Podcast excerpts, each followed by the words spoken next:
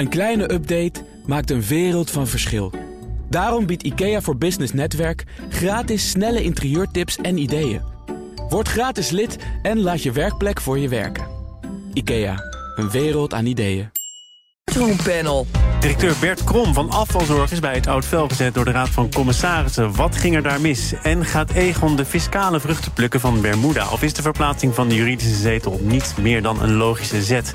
Dat en meer bespreek ik in het Boardroom Panel. En daarin zitten vandaag Lieve de Klerk van SPI Nederland, directeur al daar... en Leen Papen, emeritus hoogleraar Corporate Governance aan de Nijrode Business Universiteit...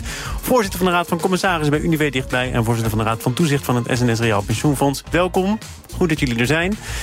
Dank. Gaat na Unilever, Shell en DSM een nieuw Nederlands bedrijf uh, Nederland ook achter zich laten. Daar lijkt het wel op. Verzekeraar Egon maakte afgelopen vrijdag namelijk bekend dat het bedrijf juridisch wil gaan verhuizen naar het eiland Bermuda. Over de gevolgen van die verhuizing gaat het hier. Uh, Leen, het komt niet helemaal uit de lucht vallen dat Egon de eigen organisatiestructuur eens tegen het licht houdt, denk ik. Hè? Nee, zeker niet. Uh, uh, ze hebben geen verzekeringsactiviteiten meer. Dus het was al duidelijk, ze moesten op zoek naar een andere toezichthouder. Nou ja, dan kunnen ze kiezen uit een aantal landen. En dat het nou net Bermuda moest worden, dat is dan wel een beetje bijzonder. En waarom denk je dat het nou net Bermuda moest worden? Nou ja, dat weet ik natuurlijk ook niet. Maar in ieder geval, uh, een paar dingen zijn opvallend. De fiscale regels zijn er een beetje anders. Twee, uh, de governance-regels zijn er ook wel uh, heel anders. Dus uh, je hebt minder te zeggen als aandeelhouder. COP, hè, dus mag je wat zeggen over de beloningen. nou roept het bedrijf, ja nee hoor, dat mag nog steeds. Maar dat is natuurlijk wel een vrijwillige actie. Ze hoeven er niets mee te doen. dus in die zin verandert er wel degelijk iets. En ja, het is in zoverre bijzonder. Bermuda is nou niet hetgeen waar je direct aan denkt. wel aan Amerika of aan Engeland, maar niet Bermuda. Staat niet meer op de zwarte lijst van de Europese Europese Unie, meen ik, uh, lieve. Uh, er zijn ook heel veel andere verzekeraars, haast Egon zich uh, te zeggen, ja. gevestigd op Bermuda. het toezichtregime, ik herhaal weer het persbericht van Egon, staat goed aangeschreven. Wat kun jij erover kwijt? Ja, ik, ik zie er persoonlijk niet zo heel veel graten in. Het is in eerste instantie echt geen Nederlands bedrijf meer. Het heeft nog wel zijn hoofdkantoor in Nederland. Dat is denk ik een kwestie van tijd. Het is een Amerikaanse, Engelse onderneming die zich op die twee markten concentreert. Dus ja, dan kies je uit het Engelse regime of het Amerikaanse regime, of inderdaad een alternatief. En op zich uh, is nog, er is wel degelijk een toezichtorgaan uh, in Bermuda. Het moet ook voldoen aan de solvabiliteitseisen. Dus. Uh, ja, de vraag is eigenlijk of uh, gaan we er in Nederland nog over, hè? Nee, nee, is het antwoord. Nee. Zeker juridisch Nee, niet. en misschien niet. moeten we ook geen grote mond hebben over eh, belastingvoordelen. Want Nederland Is niet zoveel stond beter. ook eh, natuurlijk te boek als een belastingparadijs. Maar Bermuda, nog even kort samengevat. Geen vennootschapsbelasting, inkomstenbelasting, vermogenswinstbelasting. Eh, wordt er daar opgelegd aan verzekeringsmaatschappijen daar gevestigd. En dan zegt een woordvoerder tegen de VEB dat de verhuizing er niet toe leidt dat er ook maar een euro meer vrij besteedbaar kapitaal is. Vind ik dan toch opvallend. Ja, maar ik denk dat deze berichtgeving allemaal een stapsgewijze berichtgeving is. Want in eerste instantie moeten zij er nu in, in eh, slagen om toch een hele grote groep Nederlandse aandeelhouders goedkeuring te geven over deze voorgenomen stap. Dus communicatief zou ik nou op dezelfde manier communiceren. Ik laat mijn hoofdkantoor in Nederland, er is niks aan de hand. Ik doe het Nog niet wel. voor fiscale eh, redenen. Ik doe het niet voor de governance en zo verder en zo verder. Maar ik vermoed dat dit gewoon tactisch een slimme stap is. Maar lieve, je zegt, ik zie er geen gaten in. Mooie uitdrukking. Tegelijkertijd heb je net natuurlijk geluisterd naar Leen Papen. Wie doet dat niet? Je zegt, governance gaat onder druk te staan. Je krijgt er toch iets minder over te zeggen. Moet dat nou net Bermuda zijn? Zijn dat allemaal overwegingen die bij jou dan niet spelen? Jawel, die spelen wel degelijk, maar het is geen Nederlandse onderneming meer. Hebben wij hier rond, dit, eh, rond deze tafel zo vaak dan meningen over Amerikaanse bedrijven die kiezen voor waar dat ze ook maar een juridische hoofdzetel plaatsen. Eh, ik vind wel iets algemeen over governance. Dus ik hoop dat eh, Lars Friese, die nu de enige statutaire directeur overblijft, en in een wantiersituatie gaat werken, in ieder geval zodanig nu noem het maar, toe- toezicht opgehouden wordt, of misschien gecorrigeerd wordt waar nodig wordt, dat hij de gezonde governance-principes eh, niet achter zich laat. Uh, dus, maar dat is meer iets wat je principieel vindt van governance. Ja, ten aanzien van Abma van, van Amedion zegt ook wel... dit is een verzwakking van de governance. Dat staat onomstotelijk vast? Dat is het ook, uh, vanuit het perspectief van Nederland. Hè. Dus wat Lieve zegt is waar. Egon, natuurlijk de bulk van hun werk uh, zat al lang in Amerika. Dus in die zin was het zeker geen echte Nederlandse onderneming. Maar vanuit waar we nu zitten, het Nederlandse regime... en je gaat naar Bermuda, dan is dat een verzwakking van de governance... En een aantal dingen zijn wezenlijk anders. En ook de fiscale regels. Dus uh, qua kapitaal, er valt meer toe aan aandeelhouders. Want er blijft meer over onderaan de streep. Zo simpel is het. maar deel jij ook de analyse van, uh, lieve, dat we het hier aan deze Nederlandse talkshowtafel zo uitgedrukt wel over kunnen hebben. Maar dat dat ook niet zo heel veel om het lijf heeft? We gaan er niet meer over. Of snap je toch wel de nou, matige overigens uh, verontwaardiging na dit besluit? Weet je, nee, wij gaan er niet over. Maar je hoopt altijd dat uh, ondernemingen zich op een maatschappelijk verantwoordelijke manier gedragen. Is dit dat niet? Dit vind ik minder. Uh, je kunt op een schaal van 0 tot 100 altijd met elkaar in gesprek over waar sta je dan. Maar dit is in ieder geval op mijn schaal een stukje naar links en niet naar rechts. Oh, op mijn schaal ook, hè? Ik druk ik mij misschien verkeerd uit. En mijn, daarom zeg ik ook nadrukkelijk dat ik hoop dat in het nieuwe uh, ja, one die zich gaat creëren, dat daar wel uh, de gezonde principes van good governance, dat die daar gehandhaafd blijven. Er is meer dan alleen maar extern toezicht op governance. Hè. Er is ook dingen over verslaglegging, over, uh, nou ja, met name over verslaglegging, over transparantie, over hoe je je tegenstelde krachten organiseert. Dat is ook allemaal onderdeel van maar, de Maar dat hangt nu dan dus meer af van de van, personen. Van de personen. En minder af van de regels. Absoluut, absoluut. Dus, en dat maakt het eh, kwetsbaar. Dus intrinsiek, intrinsiek. Ja, in, in de relatie van Egon vraag je dan af hoe maakt men dat kwetsbaar. Heel holistisch gezien is altijd gezegd: goed bestuur, good governance, goed bestuur en goede resultaten. Maar op, op wat kortere termijn uh, komt dit meer te voordelen van de aandeelhouders. Op langere termijn ben ik zelf ook een gelover in good governance en goede resultaten en lange termijn bestaan. Korte reactie van de Emir. Nou ja, nog even uh, qua rapportagestandaarden gaan ze nu ook naar US GAAP. Hè? Dus dat zegt ook al iets uh, dat je daarmee afstand neemt van IFRS, wat ze tot op heden doen. Uh, dat blijven ze nog wel even dubbel doen, maar ook dat zal op een moment eraf gaan. En dan wordt het natuurlijk steeds meer een Anglo-Saxisch-Amerikaanse onderneming. En of dan ook uiteindelijk het juridisch, of heet dat, het hoofdkantoor verhuist naar ehm, Bermuda of ergens anders in Amerika, dat denk ik wel. Nou, het, overigens is er volgens mij wel gekeken, begrijp ik uit de berichtgeving, naar uh, bijvoorbeeld uh, Amerikaans toezicht. Uh, maar dat kon dan niet vanwege andere boekhoudstandaarden en de manier waarop er belasting wordt betaald? Of met een beetje goede wil had het wel gekund? Dat laatste het had zeker gekund. Je moet dan US GAAP ook hanteren. Dat gaan ze sowieso doen. Maar goed, dat kost natuurlijk wel even de nodige moeite. Want dat is wel even een, een beetje werk. Maar alweer, dat zou te overkomen geweest zijn. Wordt het nog spannend bij die oh, Nou ja, wat ik nog wou zeggen is dat er zit wel ergens een soort van uh, contradictio in terminis. In de zin van dat de missie van Aegon heel erg te maken heeft met verzekeringen, met levens, met lange termijn zekerheid. En dat je vanuit dat uh, missie of die missie je met name zou verwachten dat ze toch hun governance en een lange termijn eh, zorg met elkaar in overeenstemming laten zijn. Dus dat niet alleen maar het financiële gewin op korte termijn zal uh, regeren, maar dat juist waarom zijn zij op aard, dat dat de overhand zal houden. Maar als je zegt uh, voor aandeelhouders levert dit een plus op, dan wordt het misschien niet een hele spannende, bijzondere aandeelhoudersvergadering waarin dit goedgekeurd wordt. Of zou dat toch nog zo kunnen zijn? Nee. Nee, wordt het niet. nee, dan wordt het niet. De vereniging uh, is al akkoord, hè, dus uh, ja. daarmee heb je al een hele grote drempel genomen. Nee, dus dit uh, wordt een, een redelijke walk in the park. Het zijn natuurlijk vooral institutionele beleggers die ook uit Anglo-Saxische landen komen. Dus nee, dit wordt een appeltje eitje. Ja. Deel 2 van dit panel dan. BNR Nieuwsradio. Zaken doen. Thomas van Zeil. In het boardroompanel zijn te gast Lieve de Klerk en Leen Papen. Het onmiddellijke ontslag van directeur Bert Krom zorgt voor een uh, flink potje modder gooien tussen de ondernemingsraad en de raad van commissarissen bij afvalzorg. Daarover schreef het Financiële Dagblad eerder deze week. Leen, wat speelt er daar precies? Nou ja, kennelijk waren de commissarissen niet meer tevreden te spreken over de, de CEO.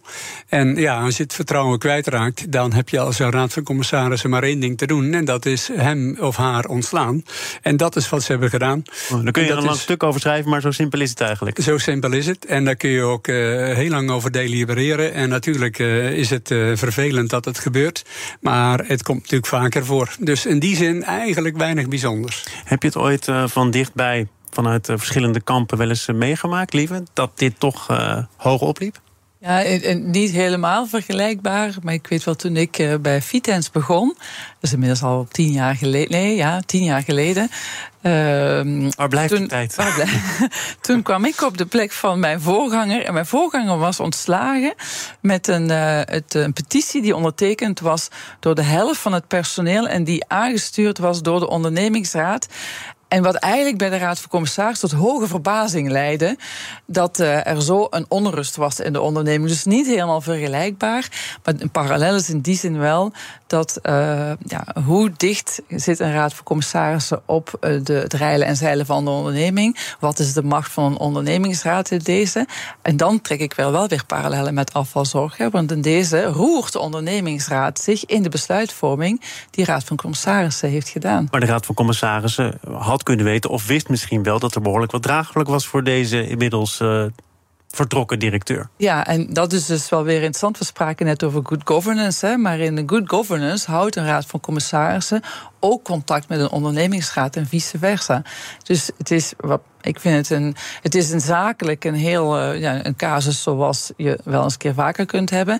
Maar uh, de manier waarop het nu gepresenteerd wordt, hè, de bestuurder heeft vrij laat moeten vernemen en zelfs via de agenda ja. dat hij ontslagen zou worden. Staat nou mijn eigen Kennelijk heeft een raad van commissarissen uh, niet eens een keer van tevoren ook andere elementen meegewogen. Tenminste, zo lezen wij dat uit de krant. gaat zoiets heel abrupt. Doet mij wel vragen stellen bij uh, het functioneren, met name van de voorzitter van de Raad van Commissarissen van de Remuneratiecommissie. Uh, is daar toch het een en ander vergeten? Of te gemakkelijk nou, dat, dat zou uh, zomaar kunnen. Dus inderdaad, je hoopt dat een Raad van Commissarissen voeling heeft met het bedrijf. ook in dit soort zaken natuurlijk contact heeft met nou ja, de ondernemingsraad. of de voorzitter zelf of de Remuneratiecommissie. Om even te vertellen wat er gaat gebeuren. Even te polsen hoe het sentiment bij de, de werknemers is. En ja, het, het, lijkt erop dat dat, als het al gebeurd is, in ieder geval niet tot het resultaat heeft geleid dat de verhoudingen goed zijn. Ja. Maar, maar het, het machtswoord ligt toch bij de Raad van Commissarissen, ja. of die ja. ondernemingsraad er nou mee eens is of niet? Ja, die gaat er niet over. Punt. Punt ik wil er toch nog even geen punt achter zetten om nog even wat dieper Zeker. op het conflict uh, in te gaan. Want het gaat hier om een voorziening van 3 miljoen om stortplaatsen te verduurzamen. En dat betekent dat het financiële resultaat over 2022 een stuk lager lag dan verwacht. Uh, kun je dit soort beslissingen, want dat werd die directeur dus verweten, hè, 3 miljoen en uh, nou, we komen daardoor financieel minder goed uit. Kun je die beslissingen überhaupt nemen zonder de RVC ervan op de hoogte te stellen? Eigenlijk niet. Uh, ik kan me niet voorstellen dat in de afspraken en het reglement die gemaakt is tussen bestuurder en raad van commissaris, dat het niet op de agenda is gekomen. Uh, uh, duurzaamheid is een belangrijk onderwerp. Stortplaatsen en de verduurzaming zal ongetwijfeld het onbelangrijk onderwerp zijn. Dus hoe kan dat nou al niet vier jaar lang wellicht op de agenda maar dan, staan. dan mag je een directeur toch geen solistisch optreden verwijten... of uh, dat de RVC niet op de hoogte was. De RVC wist dan toch dat die voorziening was getroffen... en dat dat impact zou hebben op het financiële resultaat. Kan dan toch moeilijk zeggen, ja, meneer de Krom, wat zien we nou? Ja, dat, zo, zo, lees ik het ook hoor. Als ik het dus zo lees, denk ik van wat was er dan nog allemaal aan de hand? Wat niet eh, gezegd wordt. Uh, is dit de laatste druppel die een emmer deed overlopen? En dat wordt ons allemaal niet verteld, hè, dus dat weten we. We willen meer niet. weten, ja. dames en heren luisteraars. Ja. ja. maar dat is het. is, ik denk dat dit de druppel op uh, de bekende emmer uh, was. Hè. En dat daarmee uh, het in één keer over is. En zo gaan die dingen dan ook vaak. Ah, hij werkte dus, wel 40 jaar, hè? dat zegt hij zelf. Ja, Hoe kan het nou? Mijn levenswerk, ik was bijna gepensioneerd en dan dit. Ja, maar helaas, dat doet er in dit geval ook niet toe. Je kunt er heel lang uitstekend functioneren op het moment dat je het vertrouwen verliest, om welke reden dan ook, snel of kort, van je raad van commissarissen, dan is dat het einde van jou als, als topman. Ik wel denk, is dat de manier waarop het dan nu gaat en ook naar buiten gebracht wordt in de pers, met nadrukkelijk geen steun van de ondernemingsraad, dat de tijdelijke opvolger het niet gemakkelijk heeft. Oh nee, want die dat krijgt is ook eigenlijk een onmogelijke eh, taak. Uh, dus dat zal waarschijnlijk echt interim zijn, alvorens er weer wat rust komt en weer iemand. Uh, voor langere termijn aangenomen kan worden. Maar ook dus die huidige raad van commissarissen en ook de aandeelhouders... die krijgen de komende tijd een hele roerige periode. Ja, wat moeten die aandeelhouders, dat zijn in dit geval provincies... voor positie innemen? Uh, mij lijkt wel, ik ben het eens met Leen, eh, het is aan de Raad van Commissarissen, maar de manier waarop het naar buiten gebracht wordt, lijkt mij dat de voorzitter van de Raad van Commissarissen daar ook echt wel op aangesproken hmm. moet worden. Want het, het, lijkt erop dat hij wel een aantal elementen. Uiteindelijk is de Raad van Commissarissen ook een werkgever. Hè, en dan heb je ook een normale gang van zaken tussen werkgever en werknemer als het gaat over afscheid nemen van elkaar. Dat gaat niet van dag 1 op dag 2, daar gaat een proces loopt daar af. Nou, als ik het lees in de krant, lijkt het of dat het allemaal niet gerespecteerd is, zou ik als, uh, als aandeelhouder daar wel een gesprek met de voorzitter van de Raad van Commissarissen voor aanvragen en mij daadwerkelijk afvragen: zit hier de juiste competente hmm. voorzitter op uh, de juiste plek? Ja, dat is een uh, terechte vraag. Hè. Dus we kennen uiteraard niet helemaal de aanloop en hoe het gekomen is. Maar als aandeelhouder moet je hier zeker, denk ik, wel aandacht aan besteden en gesprek over hebben. Je kunt ook nog, en dat kan de ondernemingsraad ook trouwens, je kunt naar de ondernemingskamer. Uh, dat is wel een hele zware stap. Het kan wel. En het zou niet voor het eerst zijn, dat is natuurlijk vaker gebeurd, dat uiteindelijk ook een raad van commissarissen uh, daarmee het onderspit delft en ook uh, uiteindelijk dient te vertrekken. Dus hoe dit af gaat lopen, I don't know. Maar dat, dat lopen via die ondernemerskamer is natuurlijk wel een lang traject. Dat kost ook tijd, aandacht, energie en geld. En dat is natuurlijk ook wel iets wat je moet willen. 5 juli, dat was voor een bepaalde groep mensen een cruciale datum. En dan gaat het over de certificaathouders eh, van Triodos Bank. Want dat was het moment dat na drie jaar de handel weer hervat werd. Op papier verdampte bijna 500 miljoen euro aan waarde van de duurzame bank. De certificaten waren drie jaar geleden 84 euro waard. Werden eh, voor 84 euro van de hand gedaan. Nu 50 euro. Waardedaling van 30, nee, pardon, 40 procent. Ik, ik zeg 30, omdat ik gisteren sprak met iemand van de uh, vereniging van certificaathouders. En uh, die ging nog uit van 60 euro. Zei, nou ja, goed, dat is natuurlijk gevoelig verlies. Toch nog eventjes uh, een tientje eraf ten opzichte van 84 euro. Dat moet liever toch een schok zijn geweest. Dat is echt een enorme schok voor een concept waar destijds heel veel Nederlanders in geloofd hebben. Ook zelfs veel Nederlanders hebben dit als een stukje pensioenvoorzieningen gebruikt. Dat is echt een hele zware. Men heeft drie jaar lang überhaupt niet aan het geld kunnen komen. Dan komt het uiteindelijk weer. Ja, en dan blijkt echt een enorm hoeveelheid. Want jij spreekt van 84, maar het was zelfs ooit 100. Hè? Dus je zult maar ingestapt zijn aan 100. En dan hoop ik niet dat je deze week gehandeld hebt. Maar is nee, natuurlijk, uh, dat is natuurlijk ook relatief weinig gebeurd. Hè? Want je zou zeggen, nou, na drie jaar kan het weer. Uh, mensen kunnen dan weer bij hun geld. Uh, in totaal gaan er 14,5 miljoen certificaten om. Er zijn er 20.000 verhandeld. Ja. Dat is natuurlijk een heel klein eh, percentage. Kijk, die ledencertificaten waren ooit een goed idee. Ze telden mee voor het kapitaal van de banken, dus je werd er uh, solvabeler van. Maar mensen hebben of niet goed gelezen in de kleine letters. Het was natuurlijk niet risicoloos en dat is inmiddels ook gebleken. Of vind je dat je het ook uh, de certificaathouders zelf dan kunt verwijten? Want die hebben natuurlijk uh, misschien iets te veel uh, vertrouwen gehad in het bankbestuur. Dat dit toch als een waarde vast ja instrument is, heeft eh, gepresenteerd? Ja, het antwoord is: ik denk het wel. Hè. Wellicht hebben ze het gelezen en zich ook gerealiseerd. Maar op dat moment dacht iedereen: nou, dat gaat natuurlijk nooit gebeuren. Maar Rabo heeft hetzelfde probleem gehad met zijn ledencertificaten, uh, Triodos ook. En ja, het is een kleine bank. Dus de, de mogelijkheden om daar wat aan te doen zijn natuurlijk nog beperkter. En uiteindelijk die 40% minder, dat was al voorspeld. Hè. Dus een hele tijd geleden zeiden ze al: nou ja, dat gaat ergens naar 50, 60 euro. En dat is ook uh, uitgekomen voor uh, deze week.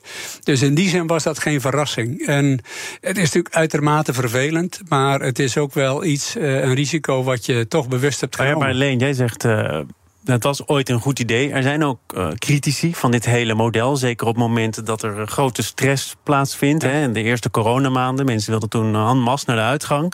Uh, hoogleraar Arnoud Boot heeft al eerder gezegd... dit kan eigenlijk niet. Die bank die moet dan certificaten terugkopen. Maar dat is niet houdbaar op het moment dat dat, dat gewoon ook die bank overstroomt. Mm -hmm. Is het wel zo'n goed idee? Wat bedoel je, om dan, dat dan de Nou, handel had dat- gestopt? Of dat Nee, men, ik eh, bedoel meer dat die bank dan eh, certificaten kan terugkopen, maar, maar tot een beperkt eh, volume.